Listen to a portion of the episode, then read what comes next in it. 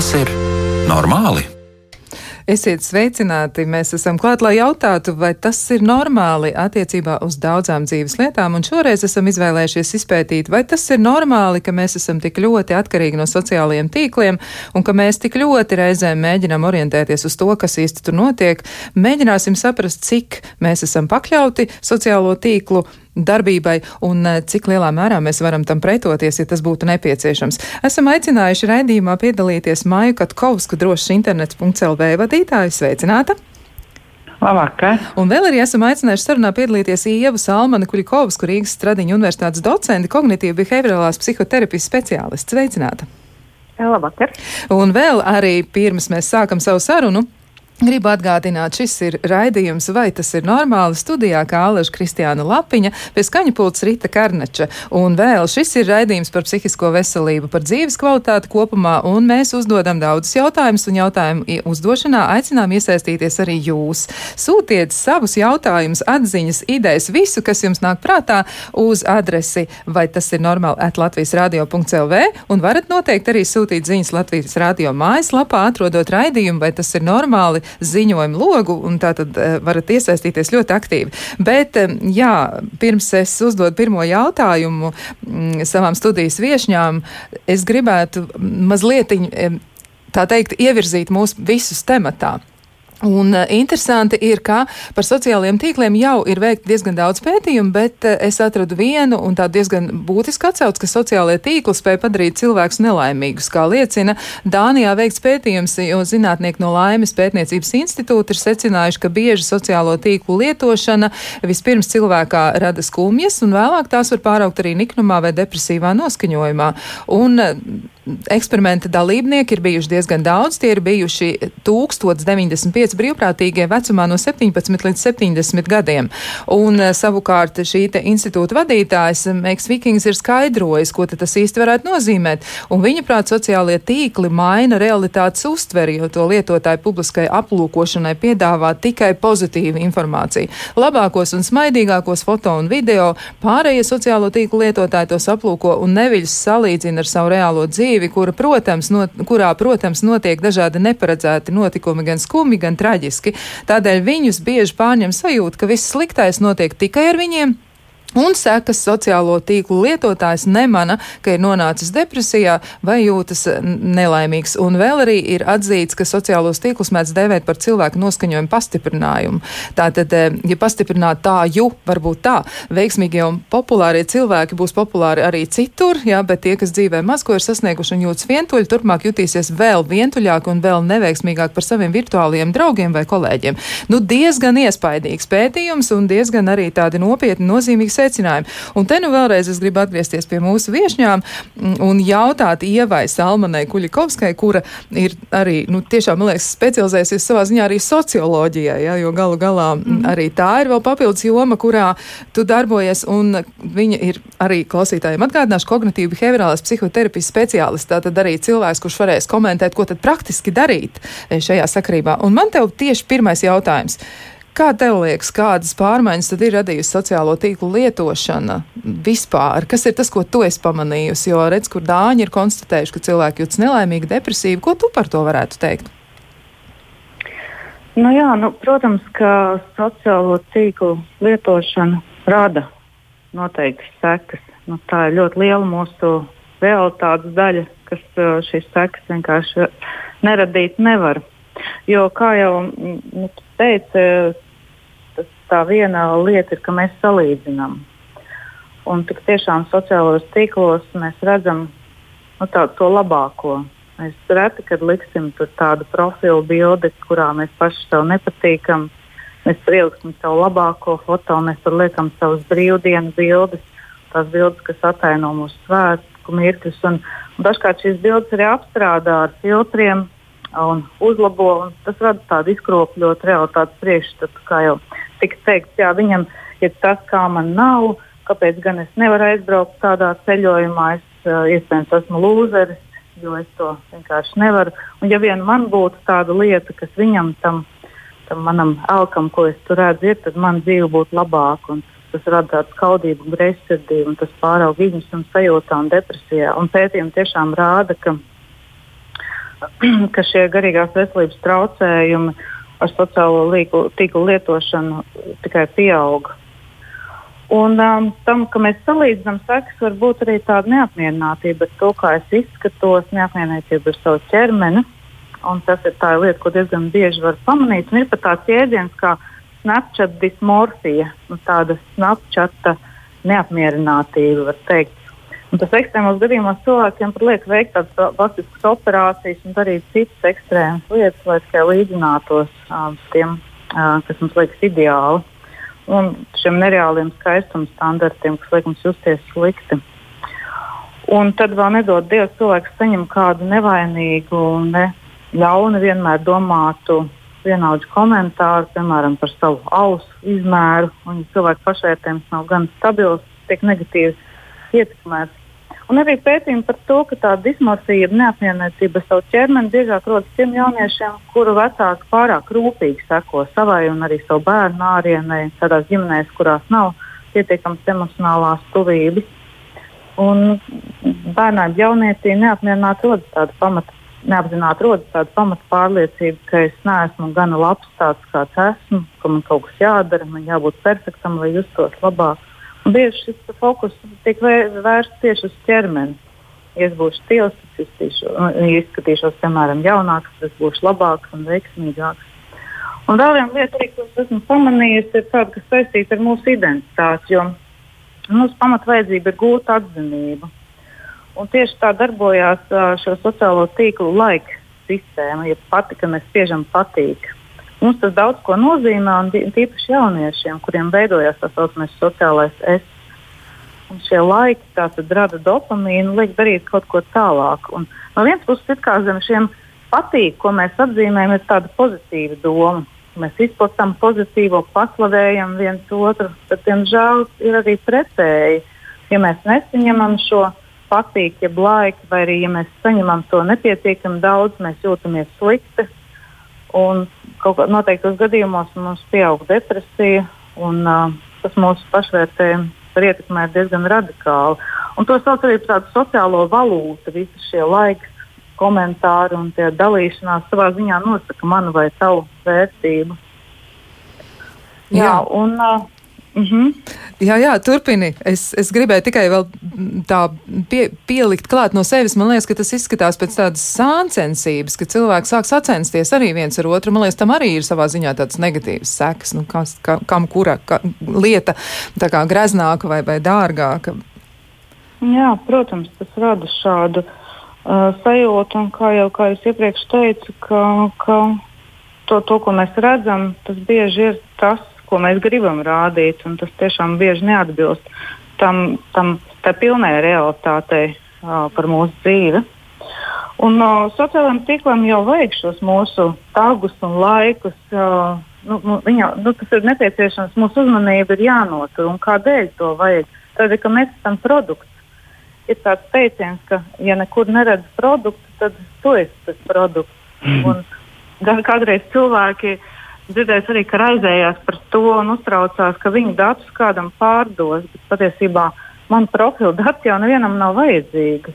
Uh, Sociālo tīklu algoritmu pēta mūsu uzvedības, tos mūsu laikus un dalīšanos, un tie rada mūsu patērētāju profilu, kuram īstajā brīdī var izmest atbilstošu reklāmu.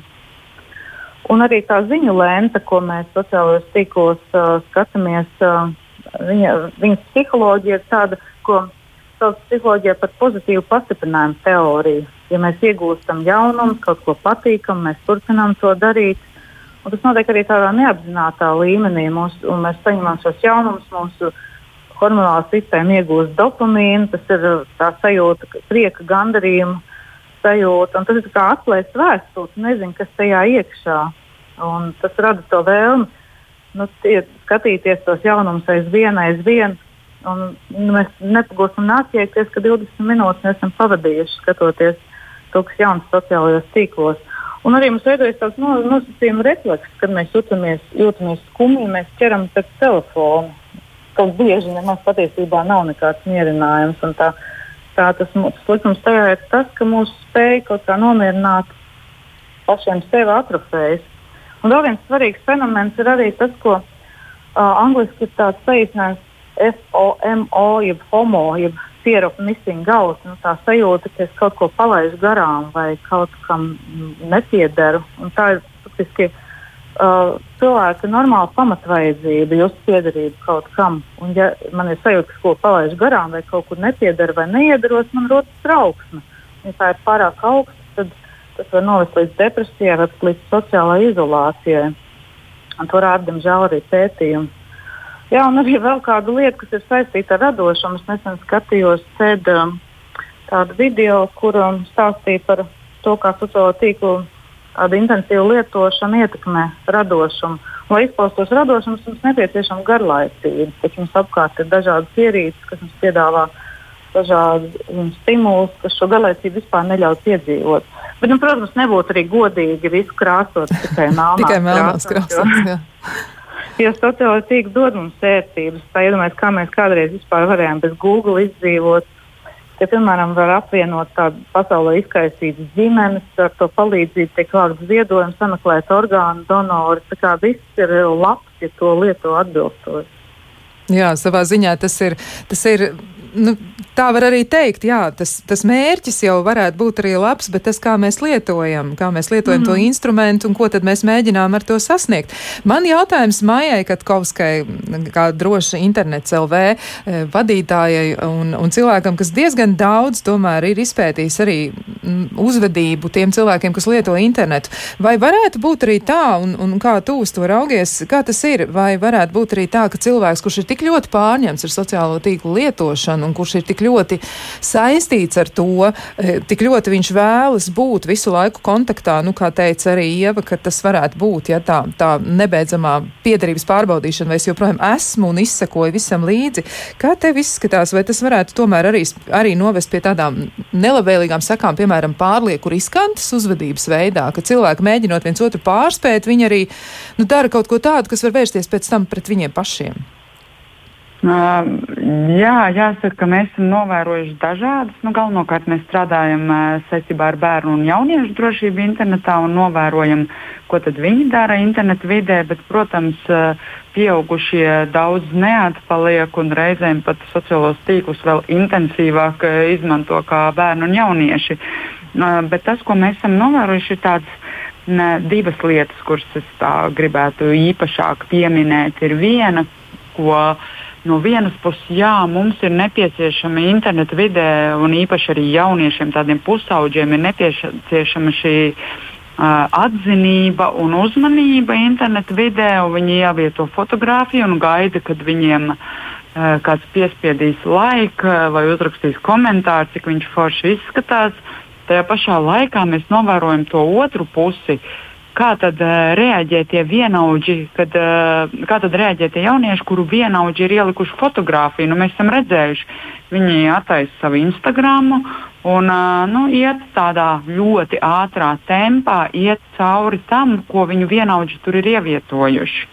Un viņi pat ne, nepievērš uzmanību fotografijai, kurš to ir ielicis, bet viņi vienkārši zina, ka šis ir mans draugs, man ir jāspiež laika viņa bildei, sirsniņā jāpiespiež. Un vispār nepievērš uzmanību tādā ātrā tempā, labi, ja e, pussekundi veltot konkrētai fotografijai, viņi piespiež patīk, patīk, patīk, patīk, patīk un pat nav pievērsuši uzmanību, e, kas ir fotografijā attēlots un vai viņi vispār pazīst vai nepazīst to cilvēku. Un, līdz ar to tad, tas, ko es gribēju vērst uzmanību, ka tiem, kas nu, ļoti savu garstāvokli vai savu, nu, jā, savu noskaņojumu um, nu, tā, tā kā pakārtoja tam, ko par viņiem domā sociālajos tīklos, tad nu, iedomājieties, kā jūs paši, tad, kad jūs skatāties, ko citi ir ievietojuši.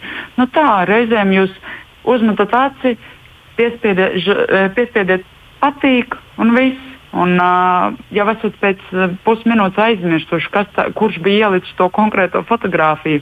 Līdz ar to, nu, ja mēs runājam par to, ka ļoti svarīgi ka saņemt tos patīk no citiem, tad patiesībā jau nu, tas nav tāds godīgs patīk ļoti bieži. Tas ir vienkārši tāpēc, ka tā ir tā sociāla tīkla vide, tāpēc, ka es pazīstu, tas ir mans draugs, klases biedrs, kaimiņš vai, vai paziņa, nu, man tā kā pieklājības pēc ir jā, jāpiespiež patīk, jo vienkārši visi tā dara, un es gribēšu, lai man piespiež, tāpēc es spiežu patīk. Nu, ka, ka to tā ļoti nopietni un sāsināti nevajadzētu uztvert. Uh, tas ir viens mūsu galvenais, pirmais mūsu galvenais novērojums. Un otrs ir, nu, protams, ka sociāla tīkli um, atstāja ietekmi tam, cik daudz, cik daudz tērē un, un ka, protams, ka reklāmdevēji un, un bērni un jaunieši ļoti ietekmēs no kaut vai no tām no zīmoliem, ko viņi redz. Sociālos tīklos, un, un to arī mēģinām. Šobrīd, protams, tiek diezgan Latvijā vismaz diezgan kārtota tā, tā vide par un ap influenceriem par to, ka viņiem ir obligāti jānorāda, ka tā ir reklāma. Reizēm jaunieši tiešām ļoti ietekmējas no konkrētā, ka, ka tiešām viņi redz viņu aci, acu priekšā ir viens un tas pats uh, zīmols, un tad viņiem noteikti vajag to konkrēto zīmolu. Ja viņi to nedabūs, tad viņi būs uh, zaudētāji. Bet nu, tas ir jāatgādina, ka piemēram. Uh, nu, ja kāds basketbola entuziasts seko līdzi Kristapa Požņģa gaitām un viņš parādās savā Instagram profilā ar Adidas ķemperīti mugurā, tas nozīmē, ka viņš ir ļoti lielas naudas summas nopelnījis ar to bildi, kur viņš ir uzvilcis Adidas džemperīti, jo viņš ir Adidas zīmola reklāmas seja, un viņam vienkārši tiek maksāts par to. Līdz ar to to neuztvert kā tādu, ka Kristupam Porziņam noteikti vienkārši patīk tas zīmols, bet uh, nu, tāds ir viņa darbs konkrētajā situācijā. Jā, bet man liekas, ka cilvēkiem varētu būt ļoti grūti tomēr nodalīt to, ka, ka tas ir nu, konkrētajam basketbolistam, tātad tas ir daļa no viņa darba, jā, arī piedalīšanās reklāmas kampaņās, bet tā dzīves stila atdarināšana, tā arī varētu būt kaut kas tāds, kas ir nu, ļoti gribas kaut kā būt līdzīgam kādam, jau vēl jau vairāk, ja tas ir tāds elks, par kuru nu, jaunietis varbūt domā, tiešām, nu, ka tas ir kas tāds, uz ko es tiecos, es gribētu kļūt par ko līdzīgu. Un klausītājiem arī ir jautājumi šajā saistībā. Um, viena no klausītājām raksta tā, ka labvakar sociālie tīkli, protams, ir dažādi un dažādi ir ietekme. Mani pusauģi burtiski sēž internetā. Un kā līdzsvarot jauniešu vēlmi patērēt sociālos tīklus? Nu, kā tad to varētu izdarīt?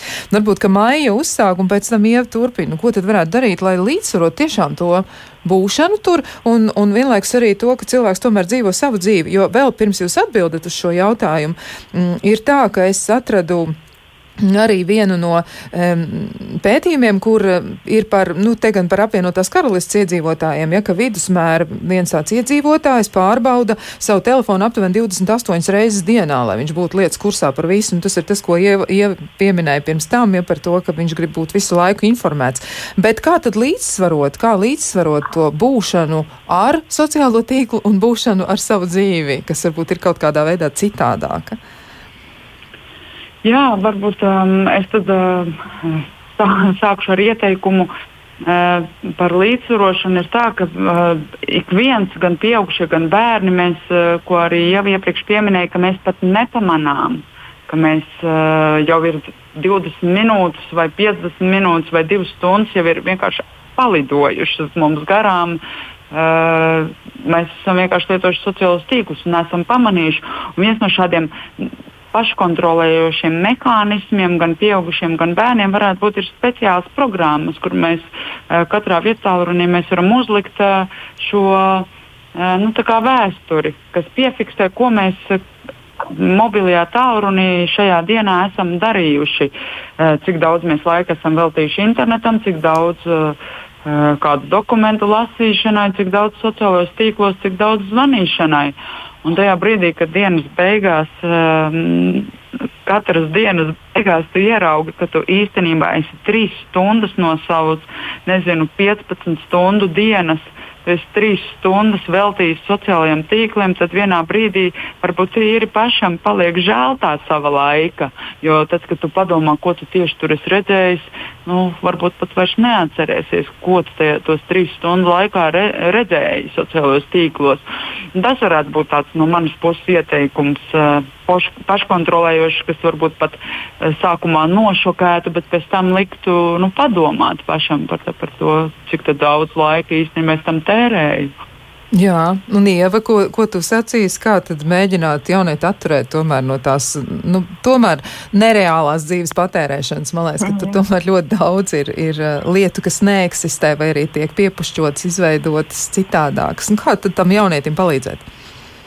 Jā, man liekas, ļoti bieži problēma arī tā, ka mēs uh, domājam tā, mēs nu, tādās melnbaltās kategorijās vai nu lietot vai nelietot.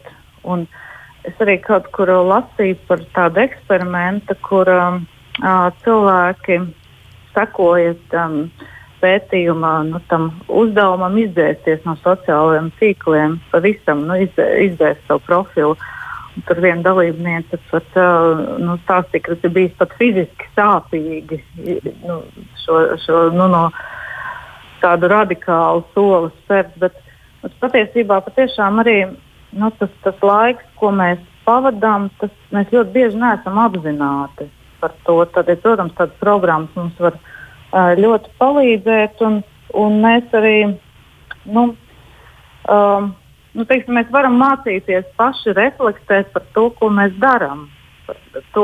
Un vai tas, ko mēs darām, ir arī saskaņā ar to, ko mēs gribam darīt. Un tas ir svarīgi, man liekas, arī varbūt, um, palīdzoši, ka cilvēki pareflektē par to, kas viņiem dzīvē ir svarīgi, kādas ir vērtības, kam viņi seko. Un patiesībā jau arī ar sociālo tīklu palīdzību diezgan labi var šīs savas uh, uh, vērtības uh, īstenot savā dzīvē. Nu, piemēram, ja mana vērtība ir palīdzēt kādam, tad es uh, nu, varu radoši sadarboties ar citiem, izmantot sociālos tīklus šādam mērķim. Tas nenozīmē, ka visiem mums jākļūst par, piemēram, par grētām, turnvergām, ja, bet mēs varam, kaut, nu, darot kaut ko liederīgu, nu, veicināt kaut kādas, nezinu, globālu problēmas risināšanu vai vienalga kādas uh, problēmas, um, nu, kaut vai, kaut vai nu, modināt cilvēku apziņu. Tad tā ir, tā ir viena lieta, kā man liekas, svarīgi ir nu, nesakot tam visu vai neko. Un, nu, tāds Ja mēs esam apzināti, tad mēs varam noteikt savu tādu veselīgu ekrānu laiku. Tas, protams, ir grūti. Un, bet nu, es domāju, tas ir diezgan iespējams, ja mēs arī pievēršam uzmanību tam un mazliet pieslēdzam kritisko domāšanu un arī saprotam, no kurienes nāk tā informācija, ko mēs skatāmies, kāds ir šīs informācijas mērķis, kā, kāds ir avots. Nu, tas, protams, prasa tādu papildus iedziļināšanos, bet tad mēs arī varam saprast, ka, piemēram, tiešām šīs slavenības. Uh, Uh, nu, nav tā, ka šai slavenībai patīk šis zīmols. Viņam vienkārši par to tiek maksāts. Un nevienam cilvēkam jau nepatīk. Tas nu, pārliecināts, ka vismaz lielākajai daļai cilvēku nepatīk tā apziņa, ka ar mani tiek manipulēts. Tas gan, tas gan. Vēl ir arī um, jautājums, nu, tāds savā ziņā apvienojošs, ja, bet uh, vienlaikus arī tas ir ļoti nopietns, un mēs par to arī savā ziņā runājam pietiekami bieži, bet tomēr ir vērts varbūt to vēl akcentēt. Un jautājums ir tāds, vai viešņas var pateikt, kādas negatīvās sekas iezīmē sociālo tīklu pārmērīgā lietošanā, kā tās izpaužas, un var, varbūt arī atkarība, vai tiešām varētu tā būt, ka cilvēks kļūst atkarīgs no sociālā tīkla tik ļoti, ka viņa dzīve, nu, iet bojā savā ziņā, varbūt tā var teikt. Varbūt šoreiz Ieva uzsāka ar atbildi. Jā, daļai jau mēs, liekas, šajā sarunā pieminējam to, kādas, tās negatīvas, nu, kā, kādas varētu būt šīs negatīvās sekas, salīdzinājums ar citiem, kas ļoti bieži liek sevi novērtēt. Nu, nu, tas salīdzinājums ir par sliktu sev pašam. Un tas rada šī, šīs garīgās veselības problēmas, kas ir trau, trauksmes, traucējumi, depresija. Reizēm pat ir izolēts, nu, ka cilvēks izolējās no sabiedrības. Ir pat kaut kur jau kādu laiku atpakaļ runāja par tādu, jā, par tādu problēmu Japānas kontekstā, ka cilvēks ir pilnībā izolējies no sabiedrības, viņš dzīvo tikai pavada vienā telpā.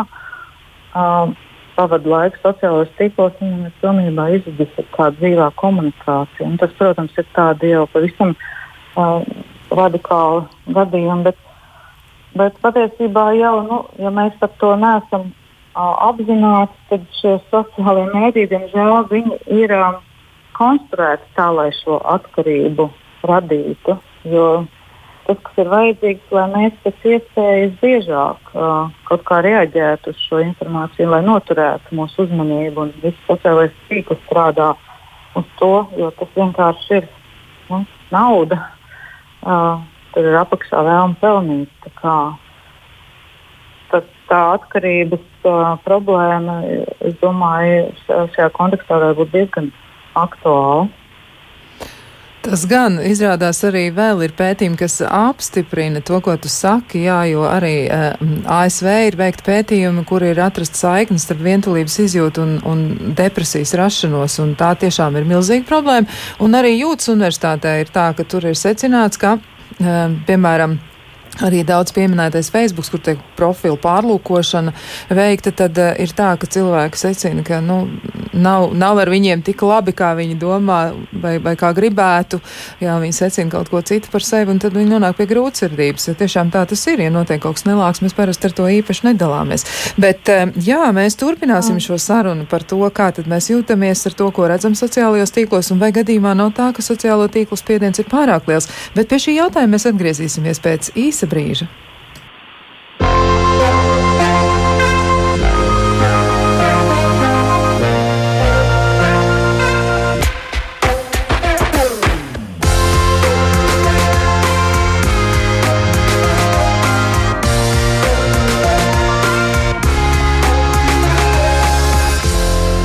Vai tas ir normāli? Jā, mēs runājam šodien par to, vai tas ir normāli, ka mēs esam tik ļoti pakļauti sociālo tīklu ietekmei un mēģinām izprast, cik lielā mērā tie ietekmē mūsu dzīvi. Bet vēl pirms turpinām sarunu, gribu atgādināt, protams, par pieteikšanos podkāstam, vai tas ir normāli. To jūs varat izdarīt, sūtot savu pieteikumu uz e-pasta adresi, vai tas ir normāli at Latvijas radio.lv. Un viss, kas jums jāizdara, jāmēģina aprakstīt savu vēlme un pamatojums ļoti īsos vārdos, par ko jūs gribētu parunāt vai par to, ka varbūt ir grūtības ar darbu, varbūt ir kāda cita lieta, kas ir izcinām, varbūt ir ļoti bail no, no tā, ka varētu izlaikt kādreiz ar izpletni un tik ļoti gribas, bet nesanāk, un šī doma nepamat galvu, bet gribas to saprast, kāpēc tā notiek. Un podkāstu ierakstu laikā jūs varat sarunāties ar kādu no psihoterapeitiem un arī nonākt pie kādas atbildes. Un savukārt jūsu veiktais ieraksts varētu noderēt arī kādam citam cilvēkam, iespējams, kādu tas ļoti iedrošinātu. Tāpēc atgādinu vēlreiz, ja jums ir padomā piedalīties podkāstā, rakstiet uz e-pastu, vai tas ir normāli atlatvijas radio.lv, un mēs fiksēsim jūsu atbildi un ar jums sazināsimies. Un vēl arī noteikti varat klausīties jau ierakstītos podkāstus, izmantojot Latvijas sabiedrisko mēdīju mājaslapu. Savukārt klausītājiem, kuri nu pat varbūt ir ieslēguši radio, gribu atgādināt, šodien mēs runājam par sociālo tīklu spiedienu uz mums, un sarunā piedalās Maika Katkovska droši internets.lv vadītāja un Ieva Salmane Kuļikovska Rīgas Stradiņa universitātes docente, kognitīva behaviorālās psihoterapijas speciāliste. Mans nākamais jautājums ir tāds, vai varētu tā būt, ka ir izmainījušās arī mūsu attiecības un priekšstati par attiecībām. Varbūt mēs kaut ko citu jau šobrīd domājam ar vārdu draugs, draugs draudzība vai varbūt sazināšanās vai kā citādi. Vai arī tur varētu būt sociālo tīklu ietekme izjūtama. Kā tas izklausās? Maija, kā tev liekas, vai sociālie tīkli un to darbība ir izmainījusi mūsu priekšstats par tādām ļoti, ļoti it kā zināmām lietām, piemēram, draudzību? Jā, to mēs novērojam arī ar tādiem um, nu, pamatskolas vecuma bērniem, varbūt pat jau mazākiem sākuma skolas vecuma bērniem, kuriem ir ļoti svarīgi, lai viņiem būtu pēc iespējas vairāk draugu šajos sociālajos tīklos. Un tad, kad mēs vadām nodarbības, mēs nereti arī uh, pārunājam ar viņiem, pirmkārt, vai viņi vispār pazīst tos, kas viņam, viņiem seko. Uh, vai viņi apzinās to, ka iespējams daļa no tiem, kas viņam seko, viņš patiesībā uz ielas baidītos tāda izskata cilvēkam iet garām un uh, nekādā gadījumā negribētu pat runāties, ja, bet um, ļauj sekot savam profilam, jo viņam, viņš vēlas būt populārs. Un tad uh, vienu brīdi tāds bums bija, ka bija atraduši mm, dažādas uh, programmas, ar, ar, kā, ar kā palīdzību varēja katrs savam sociālā tīkla profilam nu, uzaudzēt šo sekotāju skaitu. Viņiem šķita, ka jo vairāk viņiem ir sekotāji, jo vairāk tā tad viņiem ir draugi.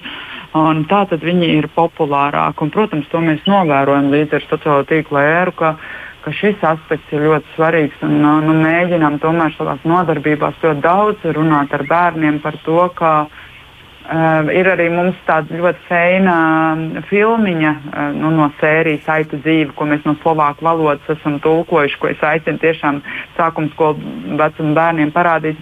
Filmiņa ir, kur galvenajam varonim ir dzimšanas diena, un viņš ir tik laimīgs, ka viņam ir tūkstoši draugu sociālos tīklos, un visi viņam sūta sveicienus, un visi viņu mīl, un viņš ir tik populārs un tik foršs, bet tad viņš attopas, ka viņš sēž vienkārši viens pats pie galda un ne kūka viņam ne šampanietis, ne, ne, ne, ne baloni, ja, un viņam nav ar ko kopā priecāties par to dzimšanas dienu. Un, tāda pamācoša bērniem nu, šī, šī filmiņa, un arī tas, ko mēs stāstām par to, ka tas jau ir tāda nu, ilūzija par šo draugu skaitu, un tas ir tas, ko mēs novērojam, protams, uz, uz šīm draudzībām. Un otrs ir arī, ka nu, šī interneta vide, tas, ko mēs redzam, diemžēl ļoti.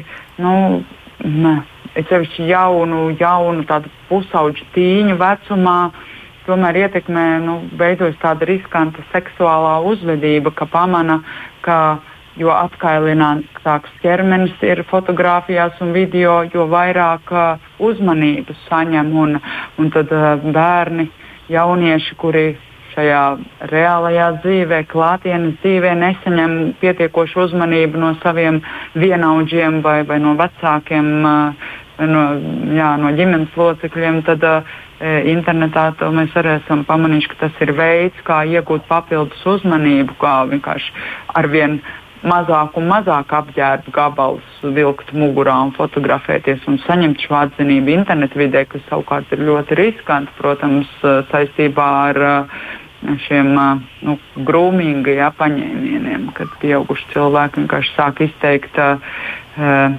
savus seksuālu raksturu vēlmes, acīm redzami nepilngadīgām personām. Jā, tad tur slēpjas ļoti daudz dažādu risku saistībā ar to nepilnvērtības jā. izjūtu. Jā, tas, tas tā ir. Bet varbūt Ievai arī vēl kas piebilstams pie šī.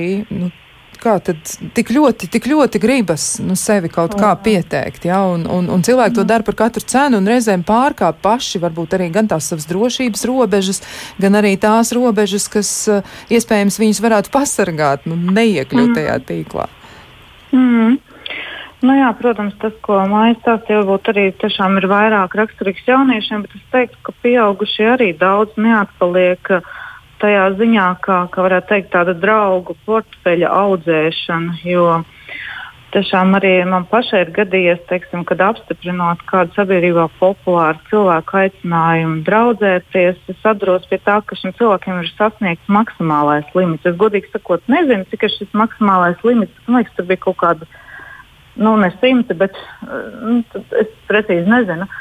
Bet tad rodas jautājums, ne, nu, jā, nu, tas, patiesībā tas, ko es domāju, kas lielā mērā ir raksturo šo laiku, kurā mēs dzīvojam, ir paviršība. Nu, mums ir ļoti daudz kā visu, mums ir daudz informācijas, mums ir ļoti daudz šo uh, sociālo draugu. Un, un tas, protams, ir um, tāda laba augsne, augsne tam, ka šajā paviršības laikmetā, kur mēs nekur īsti nevaram iedzināties, rodas tās saucamās viltus ziņas, uz ko cilvēki uzķerās, jo viņi grib tam ticēt, bet nu, tas jau ir mazliet cits temats. Bet nu, jā, tāda vēlme pēc uzmanības un tāda paviršība, un arī tas, ko Māja iepriekš teica, ka izvērtēt uh, to, ka cilvēks. Uh, Nu, būtu svarīgi tā saprast, ka cilvēks ir nospiedis patīt. Tas nevienmēr nozīmē, ka cilvēks tiešām to ir, ir iedziļinājies. Un, patiesībā cilvēki mums pievērš daudz mazāk uzmanības nekā mēs paši domājam. Tas ir arī tajā, tajā sociālajos tīklos. Kā, nu, mēs uh, iegūstam šo, uh, šo uzmanību, bet patiesībā tā nav tāda uzmanība, tā šī vārda tādā patiesā nozīmē. Tā ir tāda pavirša uzmanība. Varbūt eh, varētu būt risinājums tāds, ka vienkārši vairs nav, nu, nav iespējas piespiest to podziņu, ka patīk. Jo man liekas, ka viens no sociālajiem tīkliem, nu, lielākajiem sociālajiem tīkliem, man šķiet, ka kaut kādu m, mm, iespēju liedza. Tur, tur bija arī iespēja komentēt kaut kādā citādā veidā. Man liekas, ka tā iespēja tika atņemta komentētājiem, un līdz ar to tad uh, mazinājās kaut kādas briesmas. Es vairs precīzi neatceros, kas tieši tas bija, mm. bet varbūt tas, tas ir risinājums, kā tev ieva liekas. Varbūt, ja nebūtu nu, tā, tās sirsniņas un tā, tie pacelti īkšķīši un vienkārši. Nu, nevaram mēs izteikties šādā veidā. Nu, gribi raksti, varbūt komentāru, bet, eh, bet, bet nē, nu, vai tas varētu izmainīt situāciju? Kā tev liekas? Es nezinu, manuprāt, varbūt jāsāk no otras gala, ka nu, kaut ko aizliegt, kaut ko ierobežot. Nu, atradīsies kaut kāda cita veida, kā radīt šo tādu viltus uh, pozitīvo sajūtu. Es domāju, ka tur svarīgākais būtu vienkārši mācīt to, ko mēs saucam par kritisko domāšanu, um, izvērtēt, ko nozīmē šie laiki, ko nozīmē informācija, pavērtēt, kam mēs sekojam. Um, jā, pirms izplatīt tālāk, apskatīties avotu un, un tā joprojām. Man liekas, tas, tas būtu svarīgāk nekā uh, kaut ko nu, kaut ko, kaut noņemt, ko atņemt. Kaut jā. Jā. Kaut ko atņemt. Jā, par kritisko domāšanu arī klausītāji jautā tieši to pašu, tas ir arī mans jautājums. Kā to kritisko domāšanu attīstīt, kā vispār. Nu, kā izveidot tādu algoritmu kritiskajai domāšanai, ja, ja nu, tā vienkāršot runājot, nu, attiecībā, piemēram, uz tiem pašiem sociālajiem tīkliem? Tu jau teici, ka mm, nu, ka tas varētu būt par vērtībām, par to, ko es patiesībā gribētu darīt, un arī mm. nu, novērtēt, cik ļoti es kādā, kādā procesā gribu iesaistīties. Bet varbūt tev ir padomā, kas varbūt ir kāds ieteikums arī no prakses, kur tu esi sapratusi, ka tas strādā un ka tas mazina cilvēku atkarību no tīkla. Nu, jā, nu, tur varētu būt vairākas lietas. Jā, tās ir tās pašas vērtības. Tad otra ir tāda pašrefleksijas uh, prasmes trenēšana, ka es kaut kādā ziņā attīstu to, ko es varētu saukt pats, pats savu iekšējo novērotāju, ka es varu reflektēt par to, ko es daru un kāpēc es kaut ko daru. Tā tad apzinātības faktiski uh, arī paaugstināšana. Um, nu, tā, tā kritiskā domāšana patiesībā ir, uh, tas, nu, tas ir diezgan um, tāda, ja varētu teikt, no vienas puses um, elementāra lieta, bet patiesībā viņas mums diezgan um, lielā mērā pietrūks. Es domāju, ka tā būtu jāmāca šī, šī argumentu izvērtēšana. Jo normāls arguments parasti satur jau kaut kādu kvalitīvu informāciju, satur trīs daļas. Tas ir apgalvojums, apgalvojuma pamatojums un pierādījums.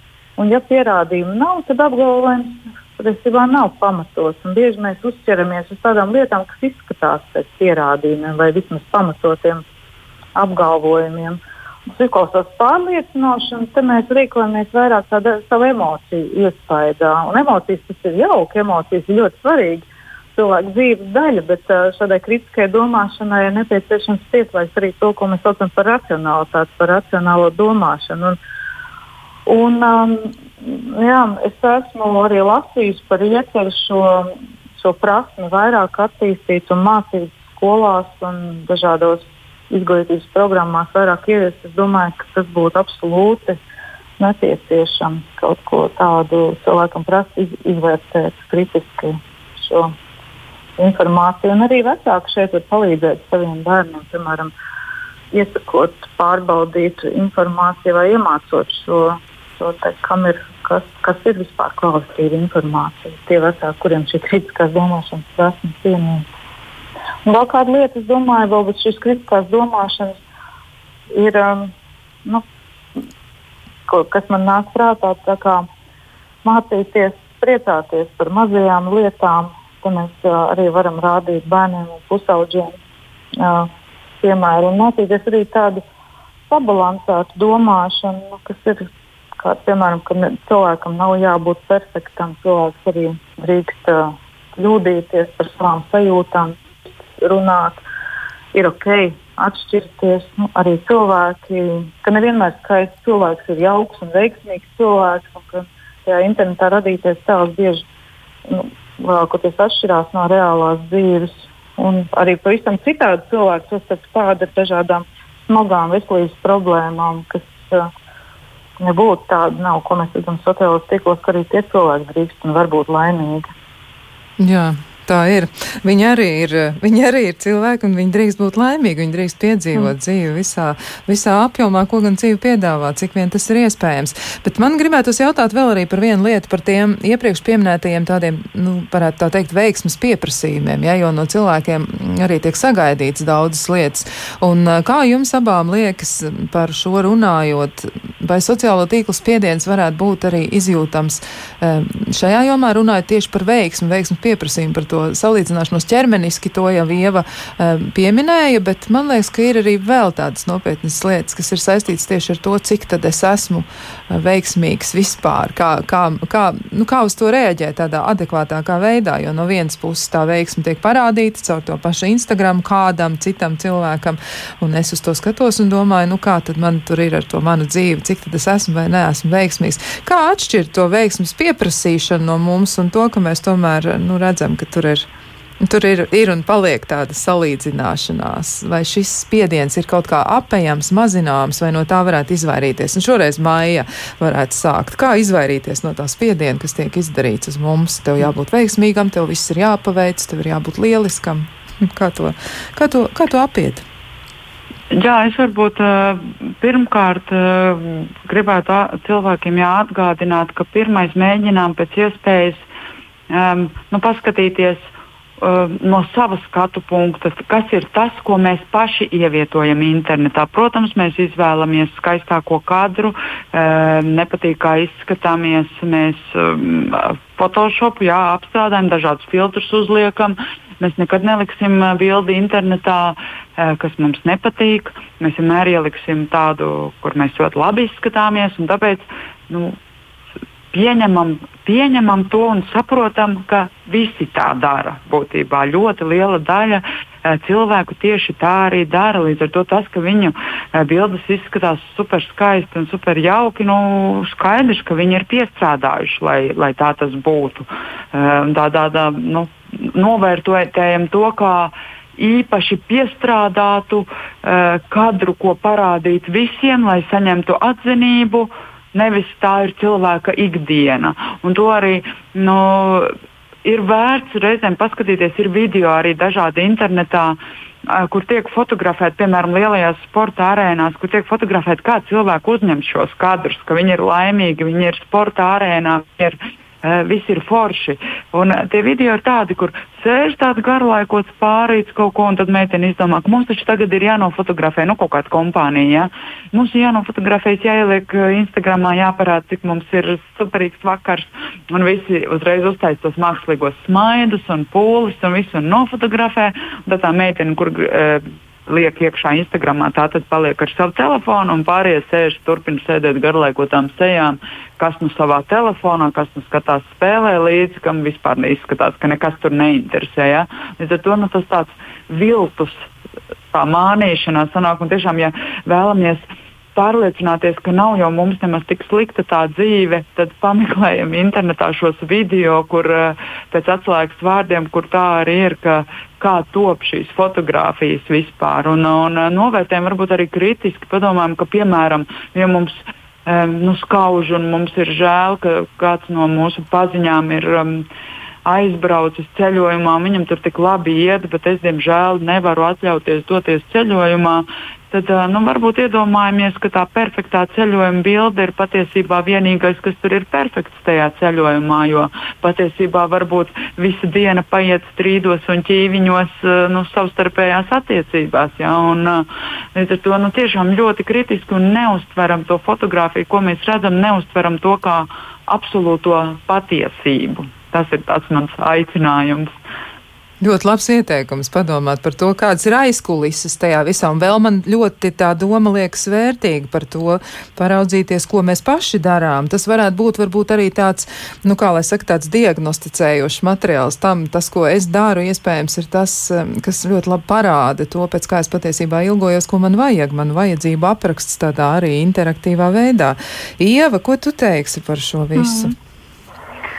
Jā, es domāju, ka tas ir ļoti svarīgi. Tas, ko mēs paši darām, arī, protams, tas, ko mēs paši liekam un cik pamatot vai nepamatot un pārbaudīt vai nepārbaudīt informāciju mēs izplatām, bet arī tas, ka viens, ko mēs gribam iemācīt saviem bērniem, tas ir bērni jau mācās atdarinot. Un, ja es esmu ar tādām perfekcionistu iezīmēm pats, un ja es uzskatu, ka cilvēka vērtība nosaka viņa veiksmes vai neveiksmes, nu, tādā ziņā jau mēs arī šo ziņu nododam. Varbūt mēs vārdiem sakam kaut ko citu, bet bērni nu, mūsos redz pavisam nu, kaut ko pretēju.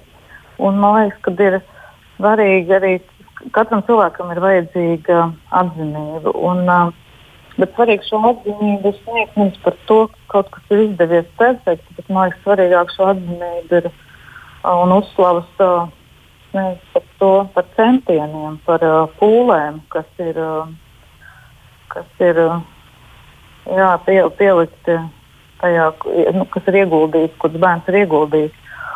Un, kā mēs paši reaģējam uz kritiku, kā mēs paši reaģējam, tad mēs kļūdāmies, ka, ka mēs kļūdāmies. Jo mēs kā gribam iemācīt to, ka neviens nav perfekts. Bet nu, te būtu svarīgi arī pavērot, ko mēs paši darām un ko, ko, ko cilvēkiem apkārt mūsu bērni no tādu ziņu var paņemt. Jā, un, un arī teiksim, par tām pašām emocijām. Ļoti jau bieži problēmas rodas no tādām apspiestām emocijām. Es jau gribētu, lai tie bērni mums visu stāsta, kā viņi jūtas. Jautājums, cik mēs paši dalāmies ar savām emocijām. Jo ļoti jau gribās parādīt to, ka, ka man viss ir labi. Nu, daudz, daudz, daudz, protams, nu, mēs daudz labprātāk rādām šo labo pusi, un tas ir pilnīgi automātiski. Tāda apziņotība ir lieta, kas tiešām ļoti var palīdzēt. Jā, mēs jau gandrīz katru mazo ziņu apveltām ar tādu atbildi diezgan vētrainu reizēm, ja, ka ir eh, kāds vienkārši paldies, un tad no mūsu puses varbūt seko vesela jūra ar emociju ikonām, vai varbūt no otras puses ir kaut kas līdzīgs. Tas droši vien arī ir saistīts ar to, kā mēs paši veidojam to reakciju.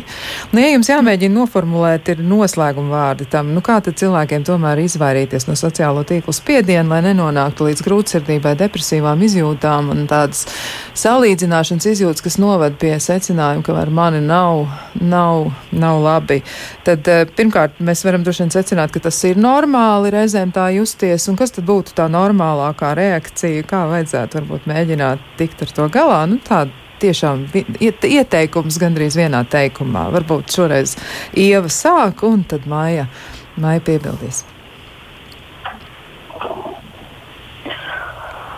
Nu, es teiktu, vienkārši trenēt uh, spēju uh, vērot sevi, pamanīt to, ko mēs darām. Jo kādu piemēru mēs uh, rādām, cik mūsu pašu pašvērtējums ir pamatots vai nepamatots. Protams, jo zemāks tas ir mums uh, pašiem, jo vairāk mūsu šīs lietas ietekmē. Un pat ja mums šis pašvērtējums dzīves laikā kaut kāda iemesla pēc no mums neatkarīgu iemeslu pēc nav izveidojies gana, uh, gana stiprs, tad um, nekad nav par vēlu ar to kaut ko darīt. Vienmēr tur ir vajadzīgas terapijas, ir gan daudz um, literatūras, gan daudz um, iespējas cilvēkam pamanīt to, ko viņš domā, ko viņš,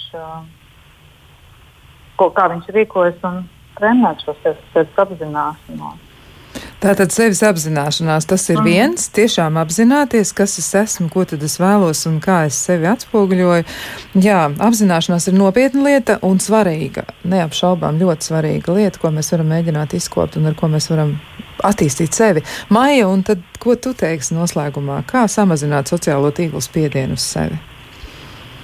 Nu, man tāds, ko es jau paudu vairākas reizes šī vakara sarunā, Tas galvenais uzsvars, ka tiešām nepieņemt to, ko mēs redzam internetā, ko mēs redzam sociālajos tīklos, ko tur ievieto citi. Uh, pirmkārt, atcerieties, ka tā ir tikai viena pavisam, pavisam neliela daļiņa no cilvēka dzīves, kurš uh, no konkrētā cilvēka dzīves. Līdz ar to mēs nezinām, kas ir pārējais. Iespējams, ka viņa dzīve patiesībā ir diezgan bēdīga. Patiesībā viņš varbūt jūtas ļoti vientuļš, un, un tā bilde, ko viņš ieliek sociālajos tīklos, viņš patiesībā to ieliek, lai, um, lai iegūtu uzmanību, atzinību. Ja? Līdz ar to mums uh, nevajadzētu nu, salīdzināt ar sevi un domāt, ka viņam ir tā super veiksmīgā dzīve, tāpēc ka viņš ir uh, aizdevies ceļojumā vai vēl kaut kas. Nu, paturēt prātā, ka mēs redzam tikai pavisam nelielu daļu no cilvēka dzīves, un tāpēc nu, nevajadzētu to pieņemt, ka viņš ir super veiksmīgs un es esmu neveiksmīgs. Tāpēc. Un, un otrs, nu, protams, atceramies, ka Eh, ka katrs liekam eh, tikai to, ko, ko internetā atspoguļojam, tikai to, ko mēs vēlamies atspoguļot, un nu, tā mazliet kritiski pret to, un eh, nevajag sevi šausmīt un, un krist depresijā, tāpēc ka mūsu dzīve interneta vidē neizskatās tik interesanta vai, vai laba kā citiem, un tomēr um, um, varbūt um, nu, mēģinam iztēloties, ja, ka, Eh, un mēģinam atrast, kas mūsu dzīvē ir tas eh, foršais un pozitīvais, ko arī citi nemaz neredz, jo mēs to vienkārši nerādām sociālajos tīklos, un ar ko mēs lepojamies, un, un, un kas mūs dara priecīgus, un, un, un ko mēs novērtējam, un nemaz nav vajadzīgs, lai, lai citi noteikti piespiestu to garām ejošo sirsniņu, kas patiesībā neko viņam nenozīmēja. Varbūt nu, tur